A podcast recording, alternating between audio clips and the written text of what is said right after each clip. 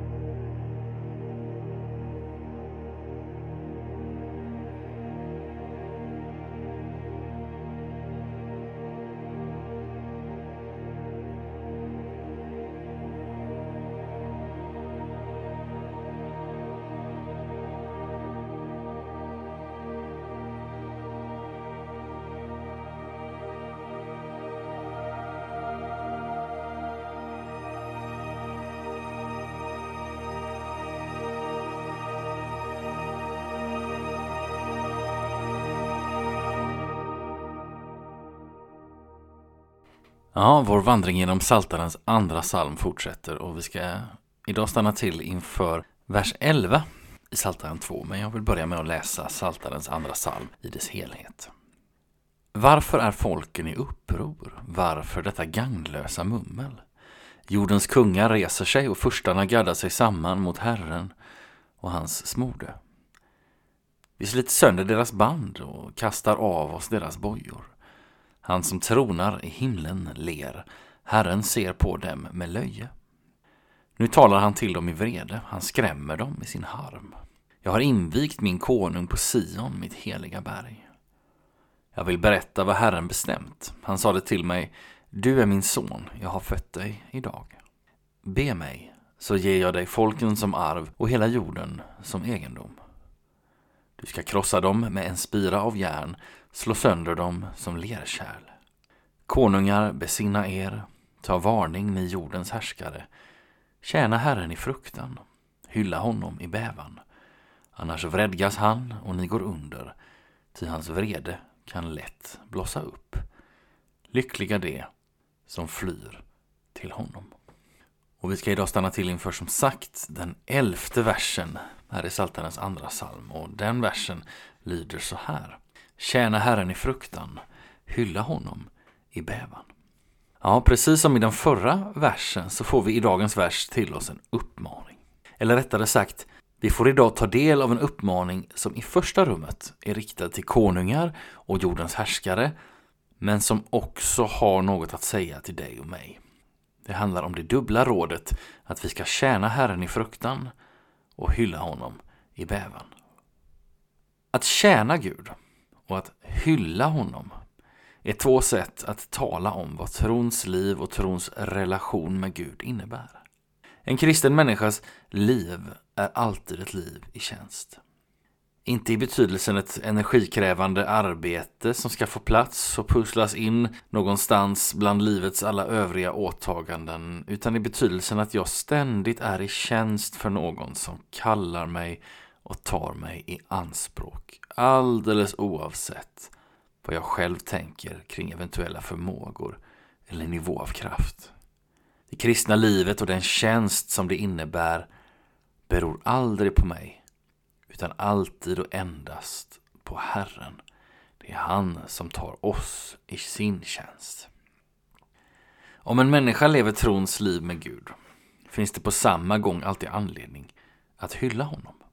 Inte utifrån att livets innehåll blir bättre eller annorlunda för den människa som söker sig till Gud och kommer till tro på honom, utan för att allt livets innehåll kommer i ett annat ljus och i sitt rätta ljus för en kristen människa. Mera specifikt betyder det att jag får möjlighet att uppfatta och känna igen alla gåvor och välsignelser för vad de djupast sett är. Guds goda gåvor. Och jag får möjlighet att möta alla motgångar och allt mörker utifrån att Gud är vid min sida, leder mig och bär mig också i de stunderna. Jag kan uttala kung Davids ord som om de vore mina egna. Inte ens i den mörkaste dal fruktar jag något ont, ty du är med mig. Psaltaren 23, vers 4. Detta med att tjäna Herren och att hylla honom är dessutom två saker som hänger nära samman med varandra. Varje form av tjänst inför Herren är på samma gång en hyllning till honom. Och omvänt, att hylla Gud är också det en tjänst vi kan utföra. Men så får vi också till oss att detta med tjänst och hyllning är saker som ska utföras på ett särskilt sätt. I en viss slags stämning, nämligen i fruktan och i bävan. Vad det handlar om här är inte att vi ska vara rädda för Gud, men däremot att vi ska ta både Gud, den tjänst vi gör inför honom och de hyllningar vi ger till honom på allvar. Paulus uppmanar i sitt brev till de kristna i Efesos. Var inte inställsamma ögontjänare, utan var Kristi tjänare som helhjärtat gör Guds vilja. Efesierbrevet 6, vers 6. Det är ord som också ringar in något av vad det innebär att tjäna Herren och att hylla honom i fruktan och bävan. Att vara Kristi tjänare som arbetar helhjärtat. Gud vill ta oss i en sådan tjänst varje dag. Vi ber. Gode Gud, hjälp mig att ta dig på orden och att ta till mig ditt ord. Hjälp mig att idag och alla andra dagar tjäna dig i fruktan och hylla dig i bävan. Hjälp mig att se att allvaret och glädjen hör samman och att de båda alltid har sin plats när jag tjänar och hyllar dig. Jesus Kristus, hjälp mig idag och alla dagar att vara din tjänare som arbetar helhjärtat i den tjänst som du ålägger mig. Amen.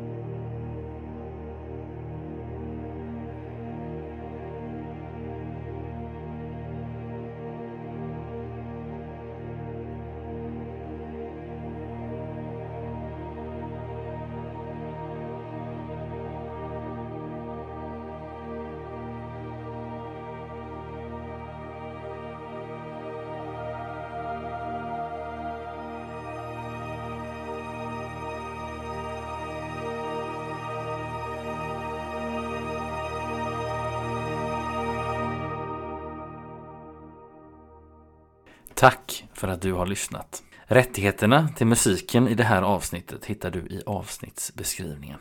Tills vi hörs igen önskar jag dig allt gott och Guds rika välsignelse. Hej då!